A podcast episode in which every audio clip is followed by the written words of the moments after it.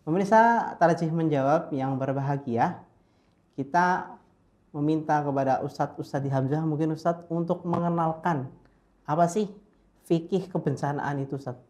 Gitu, silahkan Ustadz. Ya, baik. Ya, terima kasih Mas Alwi. Assalamualaikum warahmatullahi wabarakatuh. Waalaikumsalam. Pemirsa Tarjih menjawab yang dirahmati Allah.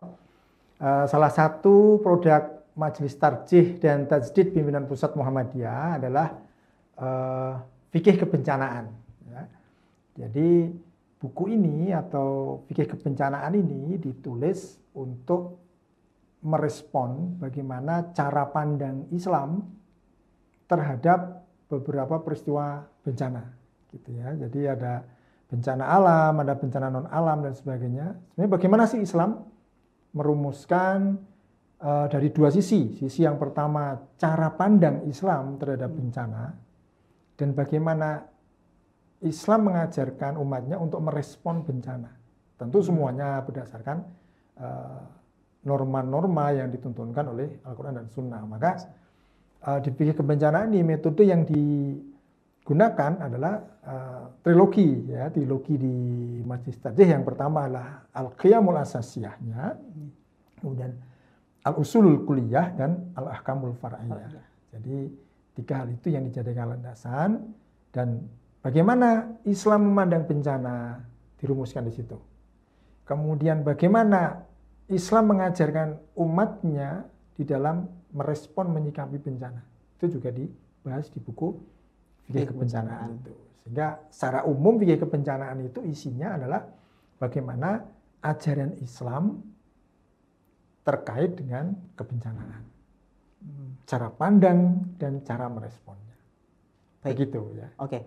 Termasuk seperti ini saat mungkin kalau uh, kita terkena bencana sebenarnya hal yang harus kita uh, lakukan itu apakah ikhlas menerima bencana yang ada atau ridho Ustaz. Kadang kan di kalangan masyarakat, waduh ikhlas aja meskipun sudah terkena tsunami gitu. Atau ridho aja. Sebenarnya dua istilah ini manakah yang tepat digunakan oleh umat muslim Ustaz?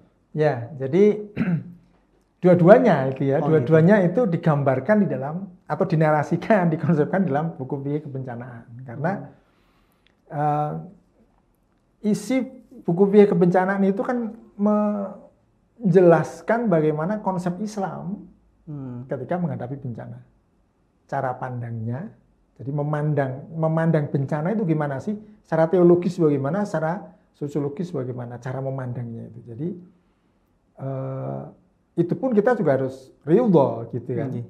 Kemudian cara merespon ketika sudah terjadi bencana apa yang perlu kita lakukan? Baik secara ya secara sosial ya dan secara teknis itu harus ada persiapan dan itu dirumuskan di situ. Maka ketika bencana datang itu ridho atau ikhlas itu dua-duanya karena sebenarnya yang namanya ikhlas itu kan kita melakukan sesuatu paripurna. Ya, paripurna. Jadi di Al-Quran itu dikatakan bahwa kata ikhlas gitu itu tidak seperti yang digambarkan ikhlas dalam bahasa Indonesia kita sehari-hari. Ya. Ikhlas hmm. itu sendalnya hilang, ikhlas gitu ya. Bukan gitu, yang namanya ikhlas itu paripurna. Paripurna itu kita um, apa, menghayatinya, memandangnya, meresponnya itu sesuai dengan yang dituntunkan Allah itu namanya hmm. paripurna, ikhlas gitu. Dalam Al-Quran kan ada ada model-modelnya orang yang melakukan itu namanya mukhlisin atau mukhlison gitu kan. Kemudian ada ayat yang lain mengatakan akhlasnahu itu kan kemudian memberi memberikan. Semangat kemudian uh, apa namanya uh, ada ada lain itu anugerah memberikan anugerah. Maka untuk sesuatu yang menimpa kita kita sikapi dengan ridho. Hmm. ridho kan ada tiga ridho itu ridho bil kaun, ridho bina, dan ridho minna. Ridho bil kaun berarti kita ketika peristiwa itu terkait dengan alam semesta ya sudah kita tidak mampu menjangkaunya kita ridho. Hmm. Ya. Kita ridho, jadi kayak banjir, gunung meletus kita tidak kita tidak bisa tidak bisa menjangkaunya artinya bisa mengantisipasi tapi ketika terjadi di alam kita lebih jauh lah jangkauan kita. Iya ridho gitu ya. kemudian ridho bina terhadap apa yang terjadi dalam diri kita, misalnya sakit, kita uh, menghadapi segala sesuatu itu itu kita juga harus ridho. Karena ridho minna itu ridho kita harus melakukan apa terhadap Allah itu kita harus ridho. Maka disuruh syariah. Oleh karena itu semua keridoan ini harus kita lakukan secara paripurna, tidak boleh setengah-setengah. Nah itu makanya bencana dihadapi secara ridho sekaligus ikhlas. Ikhlas, berarti paripurna. Jadi tidak tidak setengah-setengah, tidak hanya sekedar menerima padanya tanpa ada kebangkitan, tanpa ada upaya untuk bangkit dan sebagainya. Oke, okay, baik.